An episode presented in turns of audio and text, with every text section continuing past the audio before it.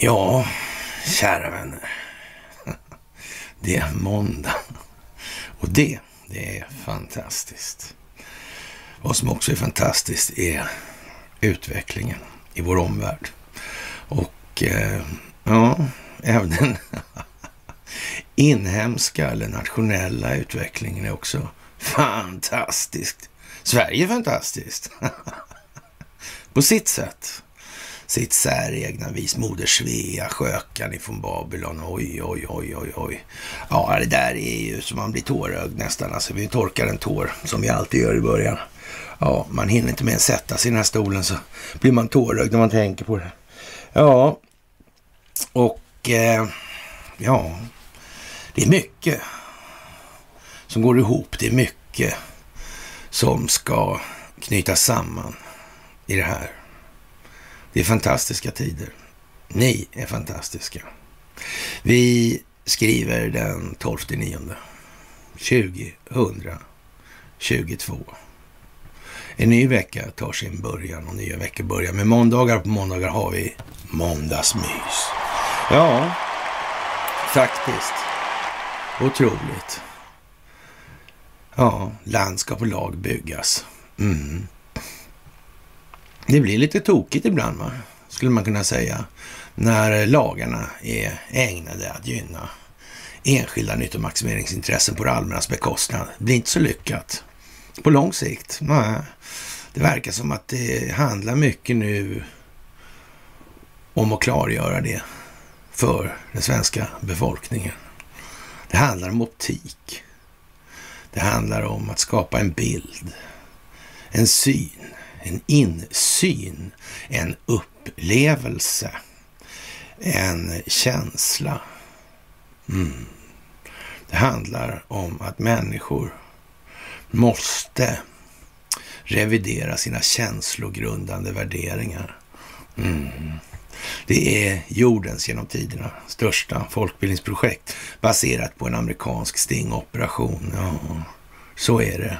Och de som fortfarande inte har riktigt förstått det här, ja, de får knalla ett par varv till runt ljuskällan i sig själva helt enkelt. En lyktstolpe de så ja, intensivt håller fast vid för att slippa Eh, förändra någonting. Mm. De vill ju att allting ska bli som vanligt. Bara vi slänger ut invandrarna så blir det 1950. Det är som en tidsmaskin nästan. Mm. Märkligt det där. Märkligt, märkligt, märkligt. Ja. Men ändå alltså, frågan är om det inte är migrationen eller invandringen som kommer att rädda det här landet. Ja, de flesta som kommer hit har ju en uppfattning om att situationen hemma vid den är ju inte sådär jättebra kanske. Och den här politiska representationen verkar mer eller mindre korrumperad. Hur är det i Sverige egentligen? Så är det väl inte här ändå? Nej, men vi kommer tillbaka till det idag, så jag tror vi reder ut det lite ytterligare då. Vi gör ju det varje gång, nämligen.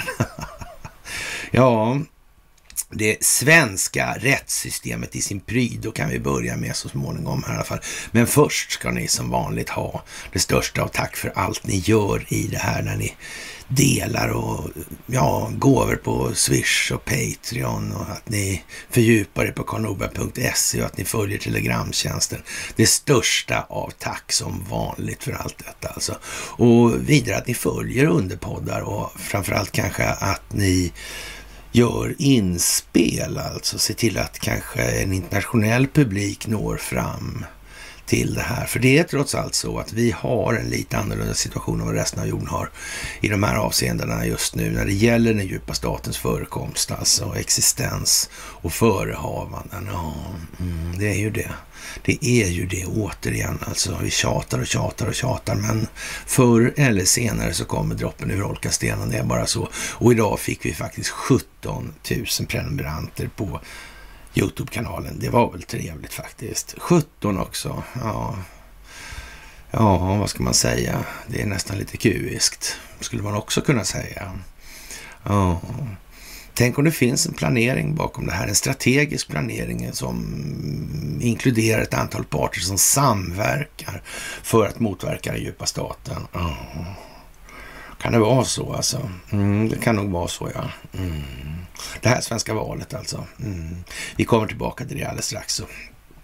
Ja, men eh, snart kan i alla fall polisen ställa till svars för diskriminerande kontroller alltså. Och, och, I dagens juridik idag. Och den som är utsatt för så kallad etnisk eller rasprofilering av svensk polis eh, har idag begränsade möjligheter till upprättelse alltså. Mm.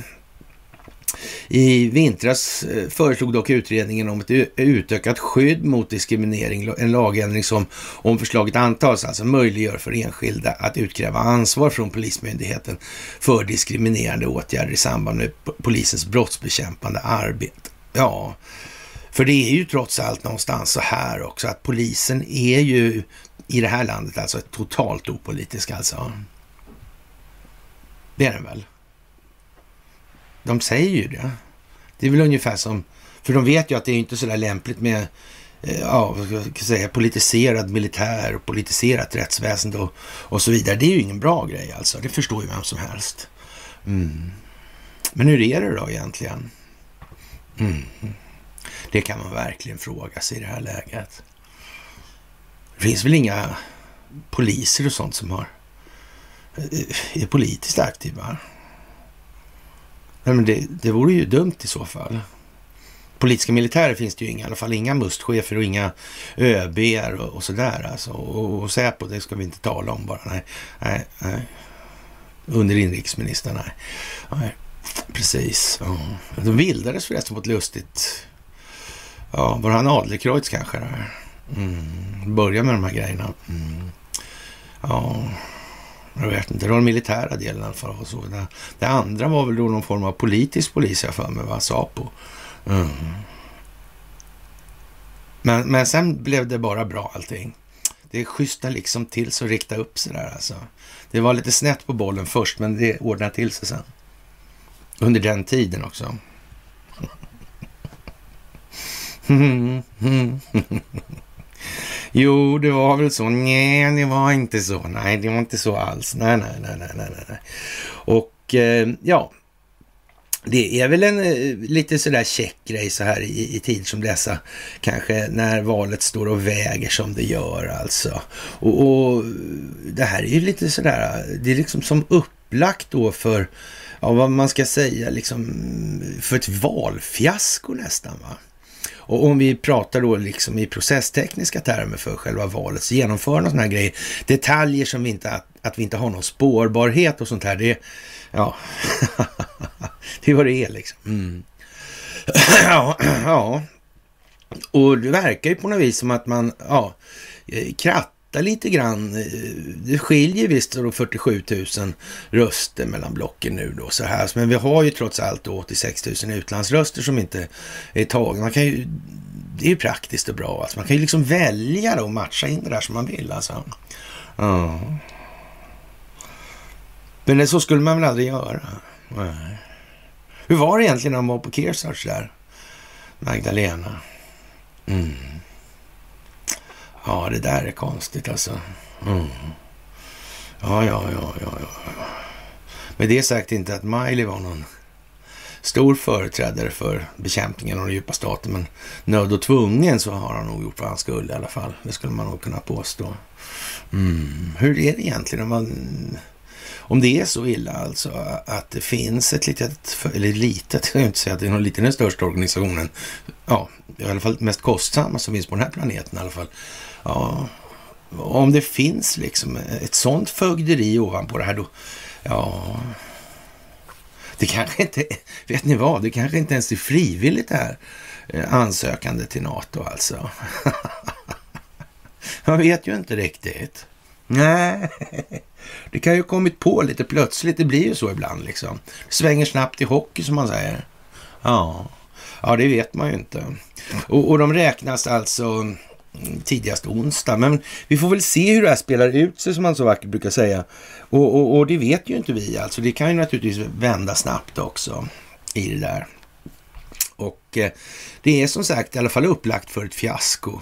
Och, och vi hade ju ingen regering under lång tid där. Nej, det var ju så. Hur var det vi har sagt någon gång så där va? Det fanns någon regering någon gång så där för länge, länge, länge sedan, en sommarregering va? Var det inte så? Han Axel Persson Bramstorp, var det inte så? Mm, jag tror fan det alltså. Mm. ja, jag tänk så det blir alltså. Jag tänk så det blir. Det verkar precis som någon har tänkt de tankarna som vi har tänkt också. På något vis alltså. Det är jättekonstigt. Ja, ja undrar vad det beror på. Ja, ja, ja, det är ju så speciellt så det är inte klokt. Faktiskt, det är, lite udda lite grann sådär. Till och med skulle man nog, nog, nog kunna säga faktiskt, utan att överdriva. Då. Och eh, ja, det är ju lite sådär halvbesvärande eh, helt enkelt för många i den här situationen. Det är ju det. Det är mycket som inte är vad man har trott det vara, helt enkelt. Och det är snudd på att det verkar kunna bli lite mycket alltså. Mm, inte bara så alltså. Det är som det är nu här. Och, och ja, man, vi får hjälpa till så gott det bara går helt enkelt. Det är väl vad det ja, så att säga, kommer att handla om egentligen. Och amerikanska medier, de kliver på rätt så ordentligt nu i hastighet, skulle man nog kunna säga, utan att överdriva det allra minsta alltså. Och ja, vi hittade en bild, eller fick en bild skickad till oss och så här, och, och det är Magdalena som står där och, och, gör någon form av hälsning, ser det lite konstigt ut när det skiljer ett mandat emellan blocken alltså. Och det här är väl från Sveriges Radio då, eller motsvarande. Och ja, men vad är det här som egentligen eh, skiljer? Alltså, vad, ja, konstigt alltså. Mm. Kan det vara en tack och avskedsföreställning för socialdemokratin? Hur är det egentligen med, med de här, vad ska jag säga, historiska skeendena och vad Socialdemokraterna, socialdemokratin har gjort och inte gjort? Men inte skulle väl någon vara så uh, förmäten? Mm. Eller? Mm. Skulle man ens släppa in någon i riksdagen förresten om det vore så att det utgjorde en risk för verksamheten i stort? Nej, det skulle man inte göra. Nej. Och hur fan blir det egentligen då? Och, om, hur ska man få håll på alla som så att säga eh, har varit moraliskt tämligen vidlyftiga? Hur ska man få koll på dem? Mm. Ja, jag vet inte hur det ska gå till riktigt det där. Mm. Man måste kanske låta dem spela Eh, en stund till alltså. Så. Och sen får man väl geofensa lite samtidigt då kanske. Kan det vara något? Jag tror att det är så. Ungefär som man gjort med Antifa i USA. Det verkar på något vis som att amerikanska militären har en idé om att Antifa inte är så där jävla hundra. Och de har en idé om att det här styrs från Europa och i, kanske Tyskland. Ja, fast Tyskland och Antifa där, det brukar bli bråk där nere och då finns det svensk representation på platsen här. Och, och tyskarna i sin tur säger att det här styrs från Sverige och de som var med och grundade Antifa i USA, ja, det var i alla fall en av de två personerna var ju från Sverige. Men det är kanske en slump. Precis som det var en slump med, med kommunistisk ungdom i USA att det skapades av en Oliver Karlsson, det där Tacke Karlsson, arbetsnamnet. Ja. Tidigt, tidigt, tidigt. Var, de kanske la ner sen och började högt sådär alltså, och, och satsade och, och, så. Sen, sen så kom de på att det är bättre att vi är snälla helt enkelt. Och gör goda saker för allas bästa. ja men eller hur? Det måste det ju vara. Det, annars skulle någon ha sagt något. Ja. Visserligen har vi då jordens mest korrumperade globalister. Eh, ja, det har vi förvisso. Till och med enligt Transparency International. Ja, men det betyder egentligen inte så mycket. Nej. Det, det, kan hända och det är nämligen ingen i hela den politiska adeln som har upptäckt det. Eh, inte ens Gustav Kasselstrand skulle man kunna säga. Nej, det skulle man kunna säga. Ja. Oh. vi får väl se vad det blir av det där alltså. Ja. Den djupa staten finns ju inte, det är bara så. Mm. Nej, det gör den ju inte. Nej, och det gäller ju att göra avbön på olika sätt naturligtvis. Och i Sölvesborg verkar det vara lite speciellt, måste jag faktiskt tillstå. Och ja, där är det ju lite framgångar då för eh, SD då med eh, Jimpa Simpas X då. Och i ett inlägg på Facebook beskriver Louise Eriksson att valrörelsen har varit otroligt tuff för många valarbetare. Jag är en av de som har slitit över min förmåga och gjort allt för valseger på alla nivåer. För mig har det dock eh, tagit ut sin rätt och jag kommer nu att behöva lite tid för att återfå styr på tillvaron. Tills vidare lämnar jag över till mina kollegor i SD Sölvesborg att hålla flaggan i topp, skriver Louise Eriksson. Hur lång paus eller sjukskrivning det kan bli fråga om är ännu oklart enligt Filip Persson eh, Sverigedemokrat, alltså politisk sekreterare för politiska alliansen Samstyret i Sölvesborg som SD ingår i. Valrörelsen har varit mycket hård i Sölvesborg och även förknippad med mycket stress. Särskilt också när man är kommunstyrelsens ordförande eller kommunstyrelseordförande och ska bedriva valrörelse samtidigt, säger Filip Persson. Och eh, ja, fantastiskt alltså. Ja. Det är ju som det är liksom. Det var ju det där med att bo då i det här huset som tillhörde det där vindkraftbolaget till exempel. Och ja, möjligen har det väl korresponderats lite i de sammanhangen också då. Och, och sen har det geofensats då också naturligtvis. Mm. Och sen var det ju det här med valet och de här uh, valsedlarna. Mm. Och det är fantastiskt att se alltså kommentarerna. De kan, människor kan inte se hur det kan valfuskas alltså. Nej, det är omöjligt. Mm.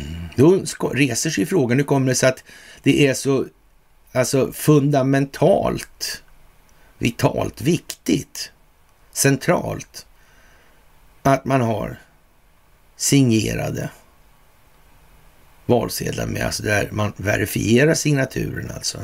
Mm. När det kryssas mot röstlängden. Aha. Och så har vi ångervecka då också. Ja, men vad bra. Mm. Det, alltså varför, varför tar man upp det nu, månntro? tror? Är det, är det kanske för sådana här, ja, vad ska man säga, ja, åsnor ska liksom fatta att det här är ett folkbildningsprojekt. Mm.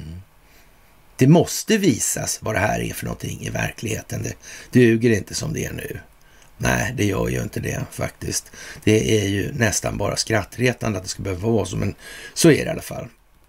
Och eh, ja, vi har ju sagt då att det amerikanska valet är ju sånt där, det kommer att slå in här. Och, och det här kommer så att säga att eh, initieras i Ukraina och det har det redan gjort. Alltså det här håller ju på, det här är en utdragen process. Det här är ju ingenting som sker över en timme eller en natt liksom. Utan det här handlar om opinionsbildning och den byter man inte på en sekund. Det går inte. Det, det, det tror jag att de flesta börjar förstå varför det här måste ta sån tid alltså. Mm, det är samma sak som jag med många, eller jag och alla andra, beklagar oss över hela tiden att det ska gå så jävla trögt. Liksom. Mm. Men nu ska vi vara tacksamma för att det går trögt. Nu är det lätt hänt att det börjar skena. Mm. Och då blir det kaos. Och det gynnar ingen som vill ha ordnade former. Det är helt jävla säkert. Ja, och eh, som sagt, i krig är det första som faller alltid samma sak. Då. Det är sanningen som en beskrivning av verkligheten. Och i det moderna kriget naturligtvis då så är det inte exakt mindre på det viset, alltså med avseende på informationshanteringens storlek och roll i förhållande till övriga faktorer i det här. Och eh, det här är ju känt för en allt större del av befolkningen nu faktiskt och inte minst genom att vi tjatar om det varenda jävla mys helt enkelt. Ja och på föreläsningar och annat. Och så vill jag för övrigt slå ett slag för de här föreläsningarna och speciellt den här spioncentralen nu. Alltså, den kommer att bli jätteviktig. Så se till att knuffa den över 100 000 visningar den också. Så ja, så blir det här lite mindre smärtsamt på många håll i alla fall. Och eh, det här är ju som det är va och, och, vi har en donna i medierna då ofta som heter Anna-Lena Laurén då kan man väl säga. Och, och, eh, ja, hon med flera är ju vad man får uttrycka som lite lätt eh, partiska och dessutom inte särskilt initierade när det gäller då eh, militärstrategi och sådana här grejer. Och ja, nu så måste man alltså vara försiktig med vad man önskar sig. Och, och ja, att madame skribenten i den här artikeln då inte är någon mer initierad person avseende verkan av indirekt eld, alltså sån här som man skjuter från långt håll, sånt som man skjuter från långt håll, alltså det, och det här med artilleribekämpning och så här, det, det, det låter ju inte dölja sig av någonting annat än det faktum att den svenska befolkningen i, i allmänhet inte begriper nämnvärt mer i den saken. Alltså, de begriper ingenting om det heller. Och därför går det hem med det här skiten nu. Och vad kan man säga om situationen i Ukraina egentligen? Att man, man kan säga så här att ryska förband har ett eldunderstödsövertag alltså. Ett övertag av indirekt eld alltså. Eh, så, som, eh, ja, av närmast obeskrivlig omfattning. Alltså det är så överlägset så det, liksom, det har nog inte varit något krig någon gång när den, så att säga, eh, ja, det styrkeförhållandet har ändå verkat rådande. Mm. Och, och, det är lite sådär udda, så får man nog fan säga alltså. Och eh, det gör ju att det här för ju liksom tankarna till varför, varför gör man så här? Man säger då till exempel att nu, nu backar ju ryssarna, eller nu, nu slåss de undan, eller slås ner sådär. Och, och, och då undrar ju vän av ordning och, och, samtidigt så händer det här då liksom att man får eh, 4 000 döda, 8 000 skadade alltså. Mm. Det låter precis som att man låter de här människorna kliva framåt. Och hur de nu kan vara så jävla dumma överhuvudtaget, det är ju också helt otroligt. Men okej okay då. Det kan ju vara enda vägen de har att gå, om man säger som så. Det kan ju vara så också. Så illa liksom. Så illa kan det naturligtvis vara, ja. Mm sådär. Det kan vara lite sådana här kittel och kniptång och sådana här grejer. Mm.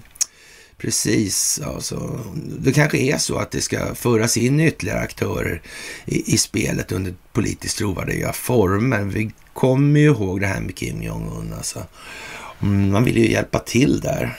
Mm. Och sen utropar han Nordkorea som kärnvapenmakt också för säkerhets skull. Och det innebär ju att det här, ja, Mutual Assured Destruction-begreppet, alltså, eller terrorbalansen då.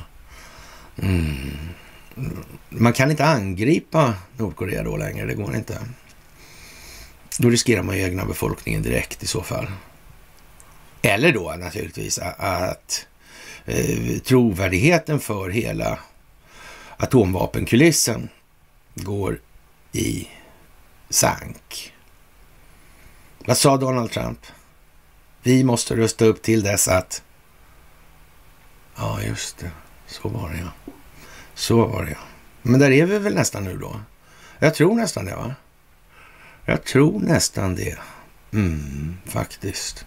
Och ja, det är klart att de här människorna som gör då ja, växelvis framryckning och sådär i så att säga medelsvår terräng. ja, vad ska vi säga? Det är ju legoknäktar då till stora delar. Och ja, vad, vad sa Vladimir Putin? Han sa, ja, ja, ja, ja, ja. det var någonting om avmilitarisering och avnazifiering alltså. Ja. Just det. Just det. Och det kan man väl säga, det är väl ungefär som att eh, legoknäktarna skjuts av på enklaste vis just nu då. Mm. För rimligtvis är det väl så liksom att eh, det måste ju ändå varit större förluster på den ryska sidan då. Mm. Men det har inte rapporterats någonting alls om. Vad konstigt. Och det här, eh, den här överlägsenheten eller ja, i styrkeförhållandet då när det gäller indirekt eld. Det har det ju faktiskt rapporterats om och sen det bara försvann då kanske eller? Man, man, eh, har ett intryck av att de här eh, journalisterna liksom, ja, konstigt. Ja, söndagens morgonnyheter på det statliga kontrollerade kanal 1 rapporterade först om de ryska regionalvalen, sedan om att Ukraina ska ha skjutit på civila mål, skjutit civila mål utanför Cherson och Zaporizjzja, eh, områden som Ryssland har ockuperat. Där, först därefter tar man upp det senaste om den ryska reträtten på Balaklia och Isium. Våra piloter har gjort nya hjältedåd under den planerade omgrupperingen. Som känt meddelade försvarsministeriet under lördagen om att trupp omgruppera, trupperna omgrupperas från Isium till, och, och Balaklia till eh, Donetskområdet. Det gör vi för att förstärka försvaret av Donetsk. Här kommer vår rapport om soldater som utförde hjältdåd under operationen. Därefter visas en flera minuter långt inslag om hur ryska trupper har beslagtagit några ukrainska stridsvagnar.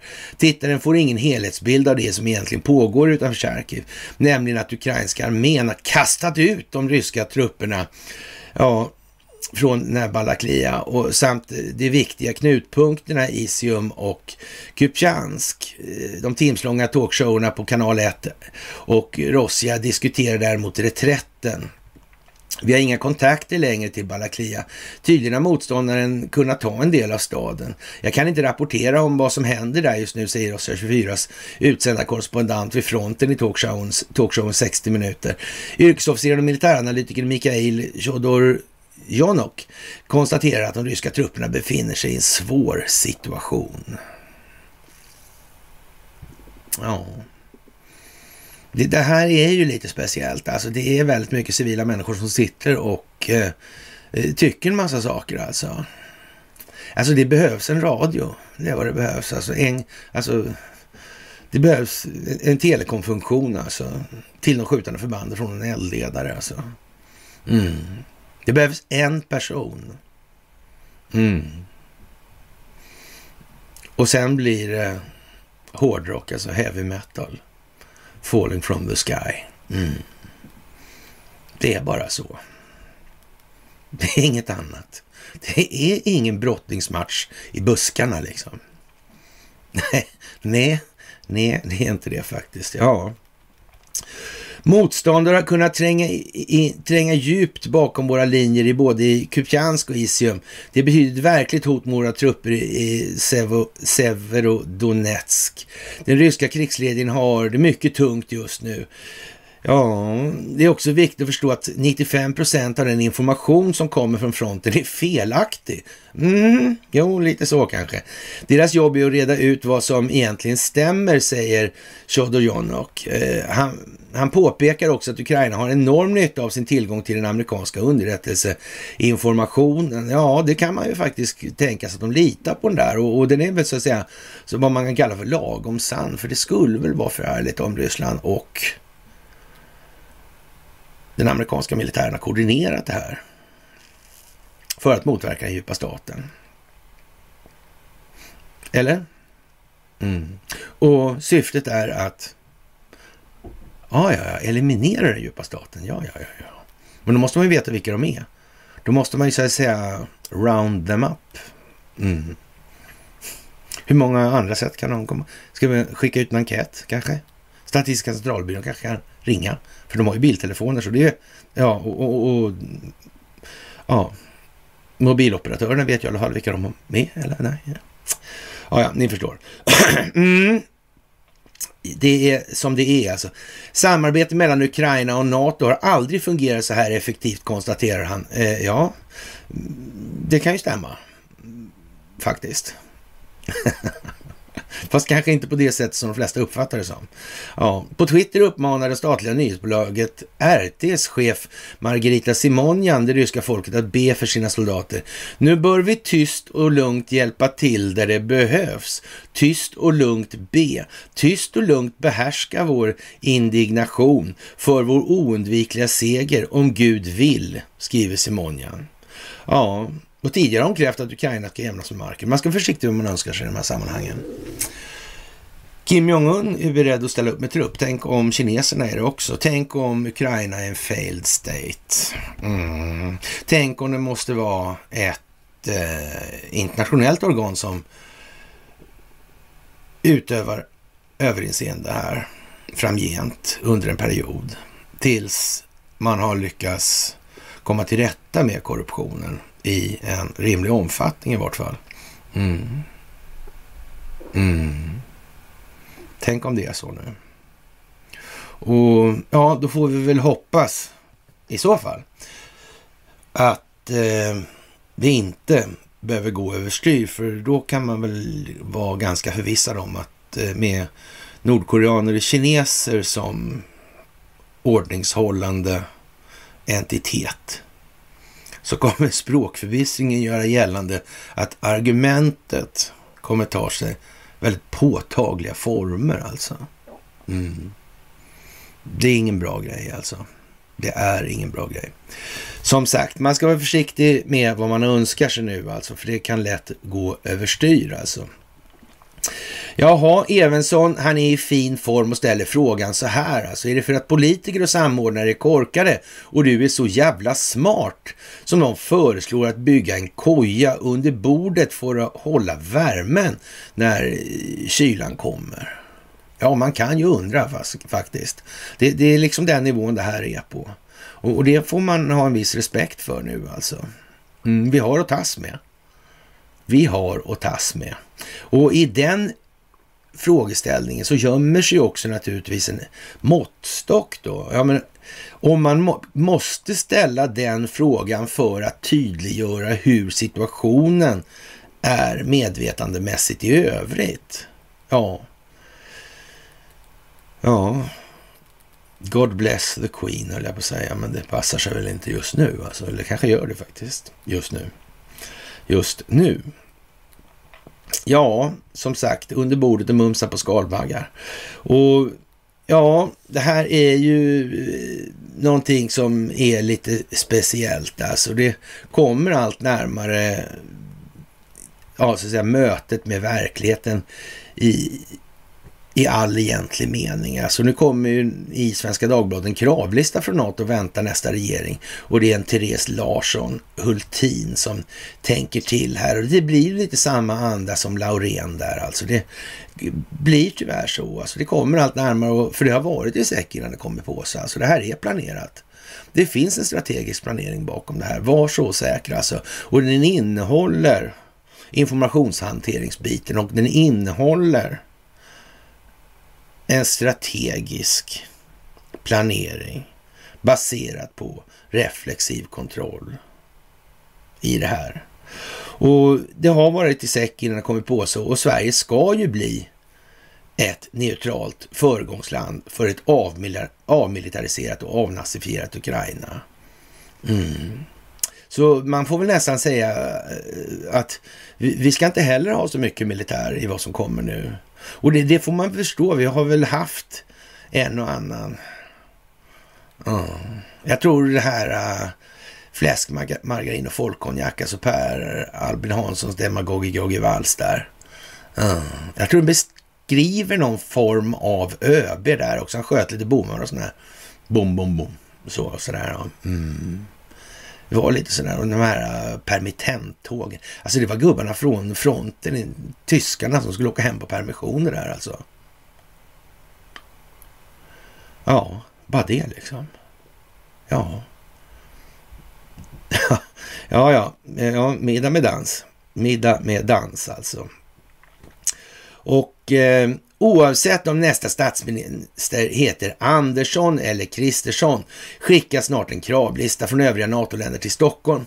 Dessutom måste en kommande regering få med turkarna på tåget alltså. Mitt under brinnande valrörelse så har det arbetats febrilt med NATO-frågan i regeringskansliet. Eh, för innan Sverige kan gå med i försvarsalliansen måste vi ta reda på vilka svenska lagar som måste anpassas. Eh, en ny stor NATO-delegation till Bryssel ska förberedas och en ansenlig mängd dokument hanteras hanteras. Planen är att göra hemläxan så långt det bara är möjligt medan dagens 30 medlemsländer ratificerar Sverige, Sveriges och Finlands ansökningar. Så att processen från svensk sida kan gå snabbt när vi får väl får ett grönt ljus för att gå med. Och om det nu blir något grönt ljus vill säga, ja, jo, det kan man säga. Ja, för problemet är fortfarande Turkiet. I skrivandet så 124 länders parlament sagt ja till vårt framtida medlemskap. Fem länder till, Grekland, Ungern, Portugal, Slovakien och Spanien förväntas göra det under september eller oktober. Från turkisk sida är det tyst. Enligt SVD, SVDs källor gick mötet som hölls mellan Sverige och Finland och, och Turkiet i Helsingfors förra månaden relativt bra. Men, men ingen ny träff är, är planerad. Det, det, hamnar alltså högt upp på nästa regerings dagordning och få till ett sådant möte. Ja, då måste det ju inte ske en massa dåliga saker då alltså. Och, och det är ju en bra grej att man har en regering, annars händer det ju ingenting. Då blir man hängande i luften. Ja, så är det ju. Medan ansamlingen av militär, reguljär militär, militär personal från amerikansk sida blir allt större i landet Sverige. Mm. Konstigt nog. Vad kan det bero på? Vad har de i tanken alltså? Har de en räv bakom örat? Alltså rävarna ju mera bakom örat tror jag han sjöng också. Gjorde inte det? Mm. Ja. Eh, det som Turkiets president Erdogan vill se till är att Sverige lever upp till de överenskomna eller den överenskommelse som skrevs under på NATO-toppmötet i Madrid den 28 juni och som han, i hans ögon bland annat handlar om att utvisa ett antal personer som turkarna terror, terrorstämplat. Något som statsminister Magdalena Andersson noga poängterat endast kan ske i enlighet med svensk lag. Ja, det handlar ju mycket om svenska lagar i det här och även ur det geopolitiska perspektivet alltså. Det är ju det här rättssystemet som han, den amerikanske nationella säkerhetsrådgivaren Robert O'Brien envisades med att hålla på och babbla om hela tiden. Det var konstigt alltså. Ja, mycket speciellt alltså. Mm. Eh, ja, det hela är en surdeg som på något sätt måste lösas. För utan Turkiet inget NATO för svensk del. Ja, är det inte fantastiskt konstigt det där alltså? Ja, att de inte kunde räkna ut det. Under tiden pågår ett febrilt arbete med försvarsalliansens så kallade för, förmågeplanering från 2025 och fyra, fyra år framåt. Det här är mycket speciellt skulle jag vilja påstå. här kan man snacka om att ja, hålla på försvarshemligheterna helt enkelt. Och det spelar ju ingen roll om, om eh, ja, om man säger så att Turkiet och Grekland är ett osams, för det är ingen i NATO som tänker lägga sig i det. Uh. Och, och försvarshemligheter i de här sammanhangen då med den här eh, förmågeplaneringen då, så att säga, där man ska redovisa då eh, hur den militära förmågan ser ut alltså och, och ner på ammunitionsnivå vad medlemmarna har i ladorna. Det ringer ingen klocka här alltså. Det här handlar ju om till stora delar grynräkning alltså, matematik alltså. Mm. Har du så här mycket granater och de här systemen med den typ av prestanda som systemen har. Mm. Det är bara att räkna baklänges på det här. Vad krävs då för att bryta de här? Skyddet som det systemet skapar hela tiden. Så det är naturligtvis information som, ja, man säger som så alltså. Nej, de har slut på ammunition. Okej? Okay? Ja, ja, ja. Ja, men vad fint. Så praktiskt. Att vi vet det redan innan. Mm. Ja, ja. men ändå alltså. Det, det, det är speciellt alltså. Norge så var det ungefär 700 sidor långt. De har väl redovisat noga antar jag då. Frågorna har även gått till Sverige och Finland och behandlas nu på försvarsdepartementet. Utifrån det svar som ska vara klart i slutet av september görs sedan en utvärdering i Bryssel. I februari kommer så en kravlista på övriga NATO-medlemmar på vilka ansvarsförmågor de förväntar sig att Sverige har på plats till 2025 och vad vi bör åläggas alltså. Nu finns det förstås inga sanktionsinstrument om Sverige inte skulle klara av att uppfylla kraven till dess, förutsatt att vi blir medlemmar alltså. Mm, vi är redan på den bogen alltså. Men det är något som nästa regering ska ställa in sig på. Eh, så är det att stora förändringar väntar när vi går med alltså. De kommer ställa en massa krav alltså. Vadå? Men ska inte vi bara få? Det har vi alltid fått. Ja, men annars stänger vi av era telefoner helt enkelt. Det är bara så. Ja. Eller det kanske inte funkar längre riktigt. Kan de ha tänkt på det? Ja, jag vet inte faktiskt. Det kan ju vara som det är med den saken. Och Ja, eh, det gäller rent militärt, men kanske framförallt politiskt. Som NATO-land slutar inte det svenska ansvaret vid Torne älv eller strax utanför Gotland. Eh, det kräver ett nytt svenskt sätt att tänka och en ny slags säkerhetspolitik alltså. Ja, vad ska man säga om det där alltså? Det är ju nästan lite uppenbart vad det här handlar om på något vis. Man banar liksom väg för tanken i och med den här typen av artiklar. Det behövs bara lite, lite, lite hjälp alltså. Man, man behöver inte vara så smart för att liksom, eh, ja, förstå lite det här med att torgföra hela den militära kapaciteten och, och ja, vilka krav ska eh, ställas på en medlem då i förhållande till vad i det här? Mm. Jag menar, man kanske inte uppfattar ens, eh, ja, en NATO-medlem kanske, som Turkiet, kanske inte uppfattar Ryssland som något hot överhuvudtaget. Mm. Medan Turkiet uppfattar Grekland som en NATO-medlem. Som värsta problemet. Så de kan tänka sig att fetnita om det inte då är någon pasta nästa vecka. Ja. Det är konstigt det där. Mm. Men som sagt, det... Ja. Eh, det är ju liksom speciellt nu. Och man måste byta tankemönster inom väldigt stora delar av befolkningen nu på en jävla handvändning. Det är bara så. Det är ingenting att be för kort sagt. Så ja, lite speciellt är det allt. Och det här valet var det alltså det säkraste någonsin och, och då undrar vi vän av ordning hur det var tidigare då alltså. Naturligtvis. Mm. Och det här är en annan sak som, som man kan inte som svensk gå runt och tro längre då att eh, det här är fantastiskt. Nej. Man måste se saker och ting för vad det är i ljuset av verkligheten nu.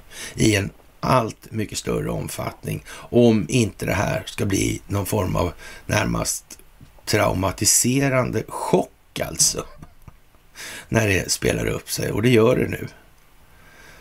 Det gör det nu alltså. Mm. Som sagt, drottningen gick hädan i alla fall i på något sätt, så där var det nu var, så är hon inte med i bilden längre. Nej. 1776 dagar efter att massa konstig information började dyka upp på nätet under bokstaven Q. Mm. Och det här med Qanon är alltså jävla kalanka. Q finns det och Anon är ju Anon liksom. Så ja, det luktar ju liksom underrättelsetjänst om det. Men whatever. Men den kan man ju andra sidan. Ja, det är ju bara att använda som vad det är då i så fall. Mm, det går ju bra också. Ja, speciellt som fan alltså. Och i USA kryper det upp till ytan nu att 28 sidor som visar att de här 9-11 kaparna då är knutna till saudisk underrättelsetjänst och de hyrde rum från en eh, FBI-tillgång alltså i Kalifornien. Mm. Innan attackerna. Och, och, det här visste då chefen för FBI då. Mm. Vad hette han då? Ja, det är han Robert Müller. Jaha, så dumt. Mm. Och i den här soppan då, där finns ju den här Bandar bin Sultan som var säkerhetschef för Saudiarabien, när han som gjorde det här, ja så att säga, Oil for Arms-dealen då med Margaret Thatcher, alltså det som byggde upp den här Al-Yamama-fonden. Mm. Ja, han var ju kompis med Bush-familjen också, ja. Just det, så var det också, ja. Mm. Mycket speciellt det där alltså. Mm. Bill Barr, han var också lite nära Bush-familjen sådär, eller i alla fall rent eh, yrkesmässigt. Är det en fördel eller en nackdel, tro? Mm. Som sagt. Det gäller ju att spela det här för att vinna på slutet. Så är det ju. Mm. Och det går inte att gripa, arrestera, avrätta på det där viset som många har så livfullt och yvigt beskrivet. Det går inte. Det funkar inte så alltså. Ja, ja. Lite eh, udda sådär. Stora teknikproblem, cyberattacker mot, eller cyberattacker mot valmyndigheten. Ja, det, det är väl lite sådär äh, speciellt alltså. Man har haft sådana överbelastningsattacker. Och vem som har gjort de här då? Ja, det är inte så svårt att räkna ut då vem det är. Och eh, mm, man kanske vet att man är geofensad. Mm. Och så måste man skaffa sig en scapegoat. Mm. Så kan det vara också. Mm. Lite, ja, som sagt, oväntat. Nej. Jaha, och eh, vidare då. Kollapsen för det största ekonomiska blocket i världen är precis runt hörnet alltså. Och energikrisen hotar sammanhållning i världens största ekonomi eller ekonomiska block. Så. Och Europa är ivrigt att bli av med energiberoendet av Ryssland. Men ingen vet säkert om europeiska regeringar kommer att överleva vintern. Ja, som är precis runt hörnet. Och lösningen på krisen, har de inte hittat någon. Alltså, ja. Det här är udda, alltså det spetsar till sig. Kan det vara planerat så, tro? Mm. För att exponera, för att skapa en optik. Kan det vara så de har tänkt?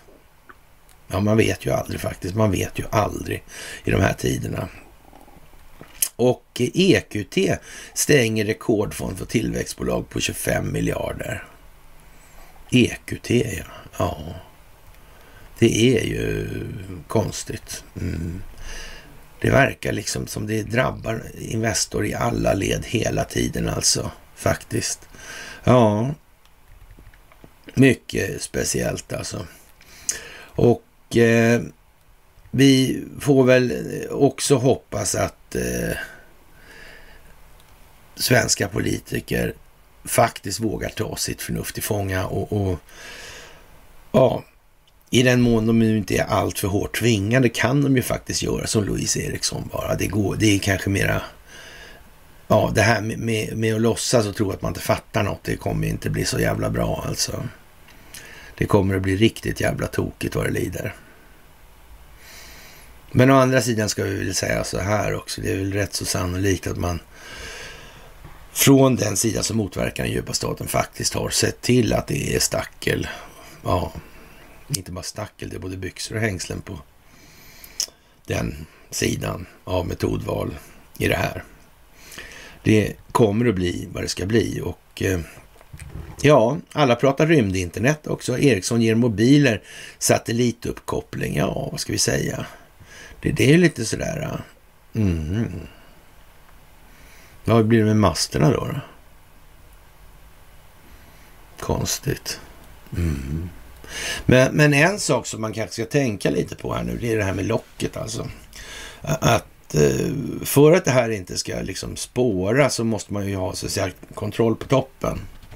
Ja, för att kunna röka ut det här neråt. Mm. Och så måste man styra toppen hela tiden. För att kunna röka ut när alltså fisken ruttnar från huvudet. Och det går ju liksom inte att låta det ruttna på där uppe på det viset alltså. Nej. Det gör ju inte det. Mm. Och det får man fan med komma ihåg nu alltså. Sådär så att, eh, ja. Jaha, och eh, veteran, ja, veteranjournalist som eh, talar om för Gateway Pundit Reporter att det, det, är en öppen hemlighet att Angela Merkel var KGB, en KGB-tillgång alltså. Mm. Mm. Ja, ja, ja, ja. Men han, han, Putin där, var inte han lite, alltid verkar vara lite kompis med Angela Merkel? Sådär. Han var också lite KGB-isk av sig, va? Var inte det? Och han var ju framförallt, var han då, eller är, ska jag säga så här, en jävla anhängare till det där smärs, alltså kontraspionaget.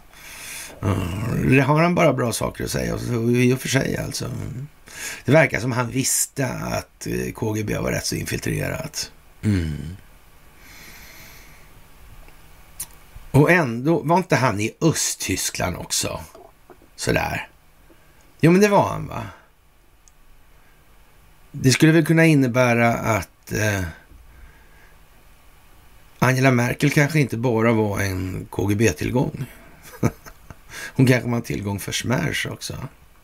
Utan att KGB visste det. Skulle det kunna vara så? Varför valde eh,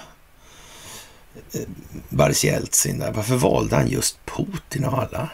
Mm. Det här verkar ha gått i liksom flera cykler på något vis och så spårat det ur några gånger. Det, verkar ha liksom dragit igång tidigt det där med Operation Desert Storm och den där Irak-historien. Mm. Och det här har ju naturligtvis sin Eh, faktiska eller då så att säga mekaniska grund i skuldmättnaden i det valutafinansiella systemet som vanligt. Men det här blir ju den politik som ska så att säga skylla över det då. Ja. Och så verkar det ha gått fram någonstans. Det verkar vara IT-bubblan där, det där liksom det kröner sig då på något vis. Alltså. Men sen måste man ju dra igång det här på något vis. Alltså. Och då blir, blir det 9-11 och så blir det liksom storskaligt där som fan alltså. Ja. Just det, ja. Mm. Och så blir det kriget mot terrorismen och så går det fram till åtta då ungefär. Och man tänker sänka det där och det skiter sig på något vis. Det blir ingen sänkning. Nej. Och sen går det bara baklänges, ta med fan alltså. Men då måste, när det sker, då måste ju så att säga locket vara på och säkrat. Mm, det vill säga, ingen under det där jävla locket hittar på någonting som inte är meningen att de ska hitta på helt enkelt. Det kan inte gå till på så många andra sätt faktiskt, rent metodvalsmässigt. Det finns faktiskt inte. Ledsen att säga det. det är jag faktiskt inte alls. Men eh, jag ska inte sitta där och vara syrlig sådär alltså. Jaha, och eh, mm, det är som det är helt enkelt. Och eh, Investors vitvarujätte Electrolux varnar för betydligt lägre efterfrågan och svagt resultat tredje kvartalet. Och, och, och tråkig historia, mindre uppgång på Stockholmsbörsen och Electrolux och, och Thule just av alla jävla bolag faller alltså. Och, och det är ju tråkigt alltså. Mm. Det är ju... Och man petar Nord, Nordamerikachefen där i, på Electrolux alltså idag. Mm. Det är ju en trist historia verkligen. Alltså. Det går inte så jävla bra alltså. Äh, äh. Verkar ha fått jävligt oemotståndliga erbjudanden under lång tid alltså. Jaha, och så tar vi då Passikivi och det här är ju underbart alltså. Ukrainska motoffensiven, det här liknar ingenting vi har sett tidigare. Nej, det kan man säga. Och, och, han vet säkert mycket väl faktiskt skulle jag säga nu. Och det i sin tur är lite speciellt alltså. Mm. Och, och, han börjar se ut som Nigel Farage också i, på bilderna. Det, det, är lite speciellt, tycker jag i alla fall. Och, och dessutom då så, så, ja, det är en ren avmilitarisering av Ukraina det här som sker nu alltså. De här legoknäktarna då, ja, de ska rycka framåt i terrängen alltså. Mot någonting som står tre till fyra mil bort. Mm.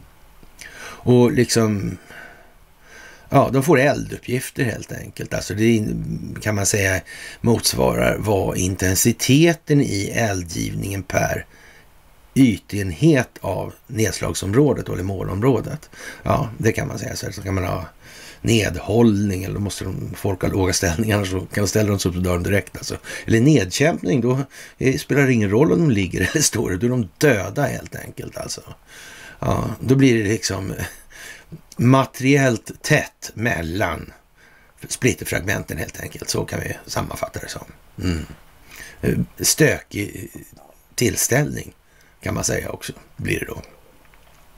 Jaha, och ja, det här är ingenting som vi har sett säger Paasikivi då. Och det här innebär i praktiken då att ryssarna har säkrat vad som skulle säkras i avsedd mening och akt här. Och, och de bara backar och så mal man ner allting då som kommer efter då med indirekt eld. Det är ju vad det är liksom. Och därför blir det de här, vad ska man säga, rätt så dramatiska siffrorna i döda och skadade. Och, och då ska man tänka på en sak. Och så, det här är, handlar om ekonomi alltså. Och, och, och finessen är alltså inte att döda människor. Det, det, kostar inte så mycket. Det är billigt sen. Alltså. Det, det kostar ingenting med ett, ett lik. Alltså. Det är noll. Det kräver inga resurser. Det kan man ta hand om med schaktmaskiner på, eller sådär. Det är ingenting. Men däremot skadade människor som strider, har stridit. De måste tas om hand. Annars kan man kyssa stridsmoralen hos de kvarvarande farväl. På överskådlig tid alltså, eller inom överskådlig tid alltså. Det är bara så. Så det gäller att skada så många som möjligt i de här sammanhangen. Rent krigsekonomiskt alltså. Och det tänker inte folk på i det här. Det är många sådana här saker som, visst, det är... Men det är oerhört viktigt att hålla de synsätten framför sig nu alltså. Och komma ihåg att det är så det faktiskt fungerar på riktigt också. Mm. Ja, ja, ja, ja. Och om man då som i Kievs fall då tappar ungefär två brigader, alltså storleksordningen 12 000 man säger vi då. Ja, då är ju det vad det är. Alltså, det låste ju upp lika mycket personal i vårdresurser, garanterat. Mm, hur mycket folk har de egentligen? Och det här är legoknäckta, vem fan betalar de där? Det, de krigar gratis. Mm. Och materielen de har får de och så vidare och så vidare och så vidare. Och samtidigt kommer den här historien, NATO börjar så att säga re, kräva in redovisningar ner på ammunitionsnivå. Kom igen nu! Det liksom kan inte vara någonting annat. Det är bara så liksom. Jag menar, det måste ju finnas, nu måste det till och med finnas svenska militärer som förstår att ja, men det kanske vi inte ska tala om om vi inte kommer med här nu då. Vad händer då liksom? Ja, och, och någon kanske misstänker, men tänk om vi har gjort något dumt nu då? Ska vi kanske inte, om vi har gjort något dumt och inte vet om det nu, ska vi liksom, hur blir det med våra möjligheter att försvara oss om vi har det här i bagaget och att vi har talat om precis och dessutom vi, ja, varför inte skicka ner alla ja, archer, Varför inte köra ner dem dit på en gång? Ja, ni hör själva alltså, det här är ju liksom det är dråpligt i och för sig, alltså. Det är bara så. Och, och ja, det är ju lite, ja, speciellt alltså. Och det här leder oss osökt in på det här då. Med, med Carl Bildt. Och det här är faktiskt ett av de mest speciella eh, inläggen som på lång tid alltså verkligen. Och det här är ju udda och så in i helvete. Bildt, jublande stämning i Kiev. Tveklöst mycket stort, säger han. Och, och vänta här nu, säger vi då. Alltså, vad kan det här betyda alltså egentligen nu här alltså? Egentligen. Och, och, man ska faktiskt ha helt jävla glasklart för sig att en failed state med en korrumperad militär, det, det är vad det är alltså. Mm. Antingen det är Moder Svea eller Europas kornbord. Mm. Så är det också. Och eh, det kan ju inte varit så där jävla roligt för Carl Bildt att behöva beskriva det här med, 4 000 döda och 8 000 skadade ukrainare. Eh, för faktiskt så är det så här också. Han inser ju någonstans här i det här helt säkert faktiskt att den här propagandan inom en kort tid kommer att svida som ett i ögonen alltså på de egna leden alltså. Vad fan håller idioten på att prata om framgångar för? Va, hur låter det där egentligen när det visar sig att det inte är så? Eller menar han på allvar att han tror att det är så? Och att han är så dum i huvudet? Ja, då kan man säga så här, då finns det en mycket besvärande analogi i det här faktiskt. Och, och den är historisk och den handlar just om Carl Bildt alltså som då i en intervju med Ekot beskriver stämningen i staden som jublande och efter nyheten om den ukrainska armén har återtagit viktiga städer i öster. Och, och, och, det är ju klart, det är mycket, mycket speciellt det här. Han kanske inte har gjort värnplikten ens, men, men nog måste han vid den här eh, sena tiden i livet ha insett då med, i kraft av allt sitt, eh, ja vad ska vi säga, anställande av ofred då som han har ägnat sig åt i ganska stor skala. Då måste han faktiskt ha insett ungefär lite grann eh, sådär med krigens grund eller stridens grundelement och sådär. Någonting måste han ha fattat i alla fall. Och då blir det här jävligt tokigt alltså. Riktigt tokigt. Och då blir det ännu värre då. Och om man tittar lite bakåt alltså. Man får eh, tänker du, jag har ju tjatat om det där några gånger då.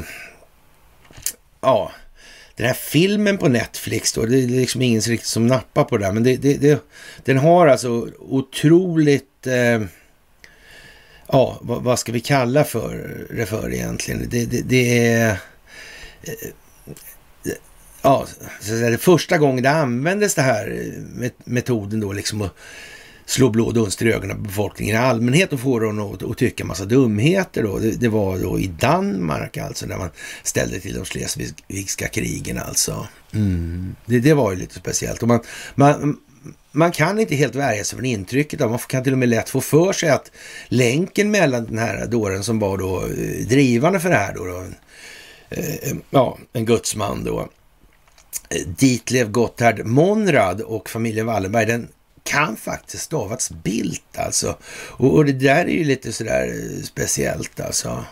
Måste jag säga alltså. Mm. Och, och, hur det här gick till då rent i, i Tyskland då, för det har, kom ju in lite på Tyskland, för Sverige har, verkar ha lagt sig i det här under väldigt lång tid. Och det kan ju vara så illa att det här är kanske lite äldre än vad folk i allmänhet tror. Alltså det här med Schleswigska krigen till exempel där. Och, och man, man fick alltså danska befolkningen att tro att det var världens stjärnidé alltså. Att mucka gräl med Tyskland. Och man kan säga då i analogi med det här just alltså. Det här med indirekt eld alltså. Ja. Då kan man säga att danskarna höll käften rätt så rejält. När granaterna började komma. Det är helt jävla säkert. Ja. Och det här är ju liksom lite, eh, ja, vad ska vi säga egentligen? Alltså, eh, släkten Bildt då, det är dansk uradel. Eh, eller hävda del, det vill säga familjen har varit frälse så länge man vet alltså. Och, och det mest fantastiska i det här, när den här schleswigska, schleswigska eh, historien, schleswigska kriget då ägde rum, det var 1864. De kan aldrig gissa vad som hände 1864. Ja, det där var ju ett fallissemang av kanske aldrig skåda slag i världshistorien alltså. Alltså befolkningen totalförnedrad alltså. Skränade och skräpte, precis som Carl Bildt gör nu. Ja. Om att det var bara, nu jävlar alltså. Oj, oj, oj, oj, oj. Och alla i hela världen som fattar någonting om någonting, åtminstone när det gäller då indirekt eld. Liksom, man bara, pff, vilka jävla dårar alltså. Det, det, det, är liksom inte ens, ja, det är ingenting att, alltså det är bara mänsklig dårskap liksom. Mm, sådär. Och alltså de människorna som låg bakom det här då. då. Men, men Monrad där, han gick loss ganska bra i det där alltså. Ändå. Han blev ju inte avrättad och sådana här prylar direkt. Det var ju mycket märkligt alltså. Sådär. Men han är ganska undanskymd tillvaro resten av livet. Man, man, man, skulle kunna tänka sig att kostnaden för att ha ställt till sånt här skit, alltså. Eh, men något, på något otrevligt vis verkar det vara så att eh, redan då alltså, redan då fanns den djupa staten och sörjde för sina, för det var alldeles för uppenbart vad som skulle hända om det hände honom något. Då, då skulle det nog bli så att säga, eh, ja, internproblem i, i, i djupa statenförvaltningen, om man säger så, så djupa statsförvaltningen. Så ska man nog säga, men ja, men ni kan alltså aldrig gissa vad som hände då det här året då. Jo, som sagt, eh, ja, Mm, Knut Bilde. Mm. Han introducerades i Riddarhuset då, fast 200 år tidigare alltså. På året alltså. Det är Guds försyn där. Mm. Ja. De har hållit på länge alltså. Och som sagt, det är inte utan att man får känslan av att mm, någon vill visa det här, någon vill skapa en optik, någon vill att vi ska reagera. Eller kanske att ni ska reagera. Mm. Det kan vara så alltså. Och, och, ja, Faktiskt. De här eh, anfäderna då måste ha gjort en jävla succé alltså. Mm. Så är det ju naturligtvis. Ja, Anstrykningen till 1864 i Danmark är inte exakt obetydlig i den delen alltså. Och nu börjar man redan prata om nu då att Carl Bildt ska bli utrikesminister. Jag är inte säker på att... Eh, ja, hur är det där med Lundin och den verksamheten alltså? Mm. Ja, den verkar i alla fall gå att koppla till Tyskland den också såklart alltså. Ja, det verkar det göra ja. Mm. Det är ju udda. Hm. Mm. Vi får väl se vad det blir av den saken. På tal om samma tema då, för det är ju bara samma tema vi pratar om nu. Vi bara tar samma tema från olika vinklar nu alltså. Det är vad som händer. Det är liksom ur lite olika perspektiv, men det är och förblir ändå samma kärna då. Så Handelshögskolan i Stockholm var fyra i världen då, alltså på fantastiska grejer och jag vet inte, är det någon som har missat? En givare där som heter Epstein, är det någon som har missat? Barbros Finest, är det någon som har missat? Eller systrarna Enbom överhuvudtaget kan vi väl säga. Och farsan på Riksrevisionen också för säkerhets skull. Ja. Mm, mm. Maxwell kanske då, Thulehuset. Mm, Hambro, Hambrobanken. Mm, finansiering Maxwell och så vidare.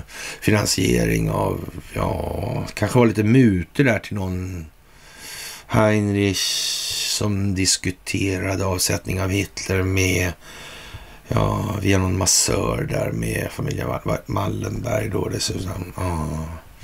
Via den här uh, Swedish Match-företrädaren där, från amerikanska Swedish Match alltså. Mm.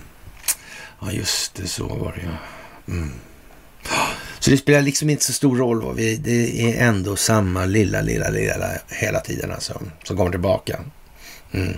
Och jag har eh, förstått att det är många som är helt förtvivlade över att det blir så här nu. Alltså det är ju inte Rockefeller, det är ju inte rymdödlorna, det är ju inte så alltså.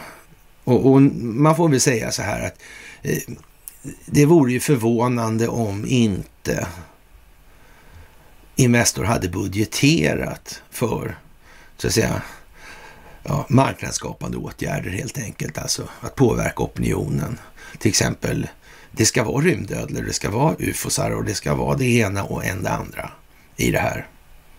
För att få bort ljuset från det som faktiskt människor kan påverka genom att förstå det här och sen sluta sig samman kring en gemensam problemformulering i sak. Det här är ju inte jävligt svårt alltså. Och för övrigt så såg jag att eh, Oddane och hans Donna ska göra lite comebacker här och det tycker jag faktiskt är roligt i den meningen alltså. För jag tror inte det är så mycket ont i dem. Det sen har det blivit lite tokigt där på, eh, ja, innan de tog sitt break där. Och det ska jag säga, jag tycker jag faktiskt är lite roligt alltså. Och jag hoppas att det går lite bättre den här gången då. Även ur det, eller särskilt ur det perspektivet alltså. Att man så att säga får den själsliga hälsan med sig under den kommande resan. För det behövs nu alltså. Det behövs människor som faktiskt eh, vill bra, alltså. Det är mitt intryck, det ska jag säga. Och, och, så, sen var det lite tokigt det där med ja, olika saker. Men det må vara som det är med det helt enkelt. Och vi kan bara påverka det som händer framåt helt enkelt. Så är det också. Och jag tycker det var roligt. Det vill jag bara sagt också. Sådär. Och ja, det handlar ju om eh, det svenska valet i, till stora delar just nu.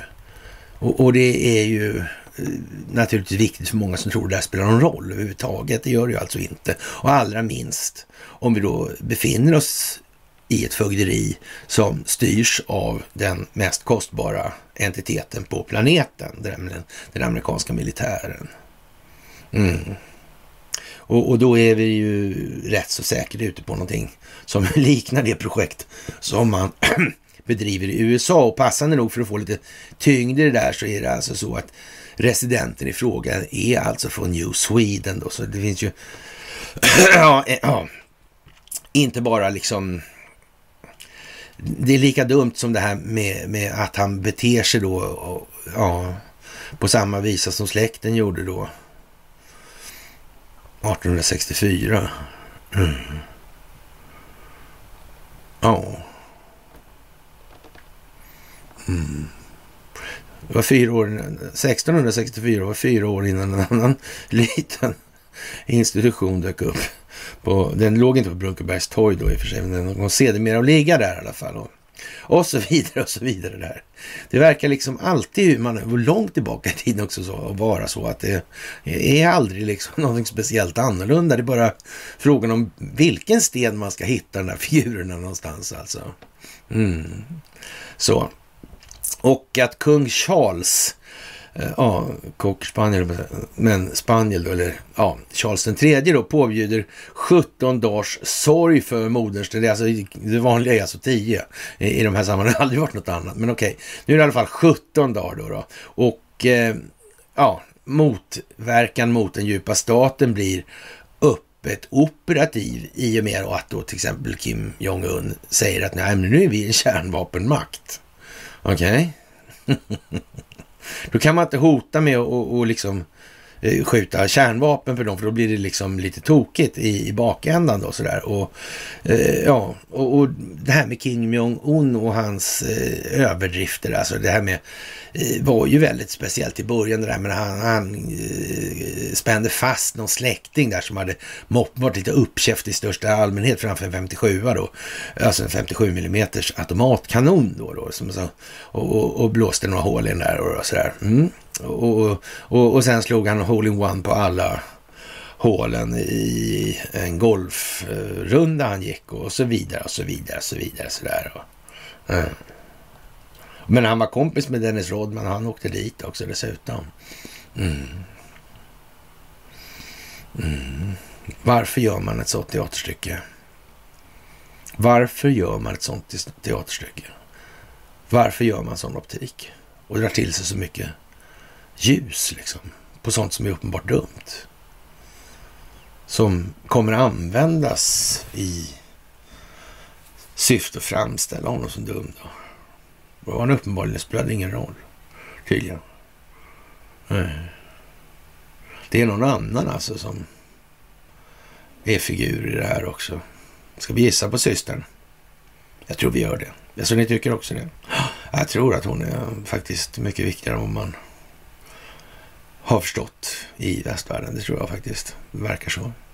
Därmed är inte sagt att han är oviktig, men jag tror att hon spelar en betydande roll i de här sammanhangen. Mm, det tror jag.